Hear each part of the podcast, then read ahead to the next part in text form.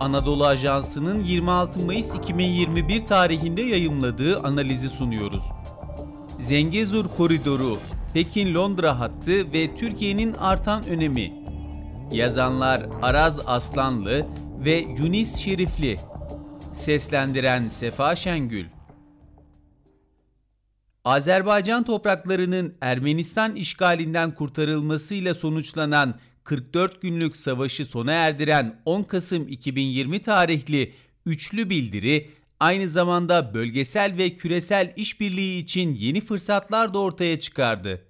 Savaşın durmasının ardından Türkiye ve Azerbaycan tarafından teklif edilen Güney Kafkasya ve komşularını kapsayan 3 artı 3 yani Azerbaycan, Ermenistan, Gürcistan'la Türkiye, İran ve Rusya modeli bölgeyi işbirliği, refah ve istikrar coğrafyasına dönüştürmeye hedefliyor. 10 Kasım 2020 tarihli üçlü bildirinin 9. maddesi bölgedeki tüm ulaştırma koridorlarının canlandırılmasını, özellikle de Azerbaycan Cumhuriyeti'nin Nahçıvan Özerk Cumhuriyeti ile Azerbaycan'ın diğer bölgelerini birleştiren karayolu ve demiryolu bağlantısının sağlanmasını düzenliyor. Bu aynı zamanda Hazar'ın batı kıyısıyla İstanbul Marmaray da dikkate alınınca Pekin'le Londra arasında yeni bir bağlantı anlamına gelebilir. Dolayısıyla 10 Kasım bildirisiyle birlikte bölgesel işbirliğinin küresel boyutta sonuçlar doğurabileceğine ilişkin umutlar da arttı. Çin'in kuşak ve yol girişimi ve Türkiye Çin Devlet Başkanı Xi Jinping'in 2013 yılında Kazakistan'ın başkenti Astana'da mevcut ismiyle Nur Sultan'da açıkladığı kuşak ve yol girişimi Türkiye'nin ilk günden itibaren ilgisini çekti. Girişimin hedeflerinden biri kuşak ve yol girişimi ülkeleri arasında ulaşım altyapısını geliştirmek ve ülkeler arasındaki siyasi ve ekonomik ilişkileri güçlendirmek oldu.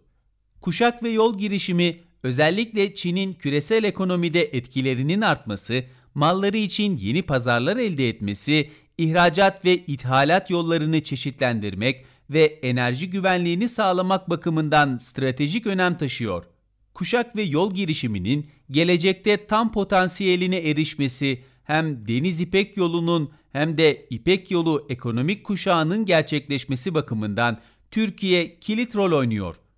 Türkiye ve Çin arasında 2015 yılında Çin'in kuşak yol girişiminin ve Türkiye'nin orta koridor girişiminin uyumlulaştırılmasına ilişkin mutabakat muhtırası imzalandı. Türkiye, kuşak ve yol girişiminin 6 ana ekonomik koridorundan biri olan ve orta koridor olarak bilinen Çin Orta ve Batı Asya koridorunda yer alıyor. 4256 kilometrelik demir yolunu ve 508 kilometrelik deniz yolunu kapsayan bu koridor, Çin-Kazakistan sınırında Azerbaycan'a, Hazar üzerinden oradan da Gürcistan üzerinden Türkiye'ye uzanıyor.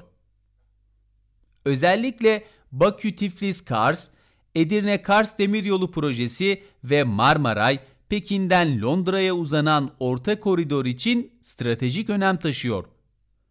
Kuşak ve yol girişimi çerçevesinde güney ve kuzey koridorları olmak üzere Çin'in Avrupa ülkelerine mallarını ihraç etmek için birçok seçeneği var. Fakat bu koridorlara kıyasla Türkiye'nin kilit rol oynadığı orta koridor birçok üstünlüklere sahip. Öncelikle Çin mallarının orta koridor üzerinden Avrupa'ya taşınması Rusya üzerinden geçen kuzey koridoruna kıyasla daha kolay ve avantajlı. Trans-Sibirya güzergahıyla taşınan mallar 20 günde Avrupa'ya ulaşırken orta koridordan taşınan mallar 12 günde aynı noktaya ulaşabiliyor.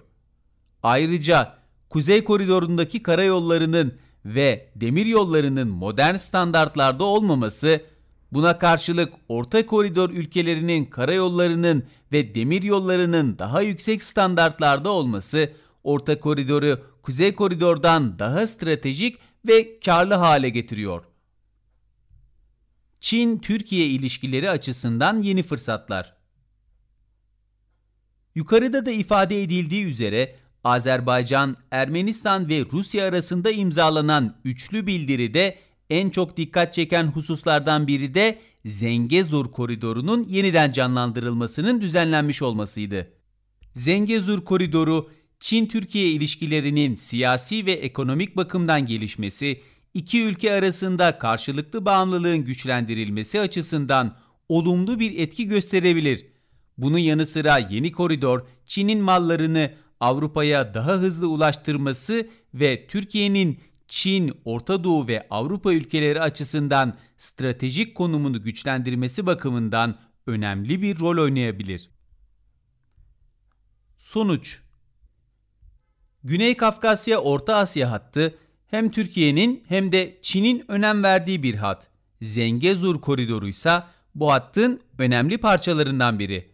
Aynı zamanda genel olarak Orta Koridor Çin'in ulaşım yolları bakımından Rusya'ya olan bağımlılığını azaltmakta ve Güney Koridor'unda yaptırım uygulanan İran coğrafyasını daha az kullanarak ürünlerini Avrupa'ya güvenle göndermesi bakımından stratejik bir önem taşıyor.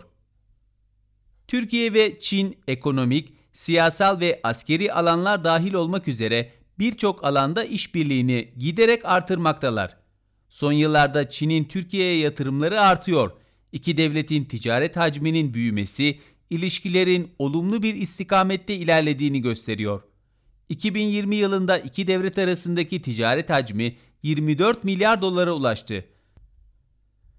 Pandeminin küresel ticaret üzerindeki olumsuz etkisine rağmen Xiaomi, Oppo ve Vivo gibi büyük Çinli akıllı telefon üreticileri geçtiğimiz yıl Türkiye'ye doğrudan yatırım yaparak Türkiye'nin finans merkezi İstanbul'da üretime başladılar.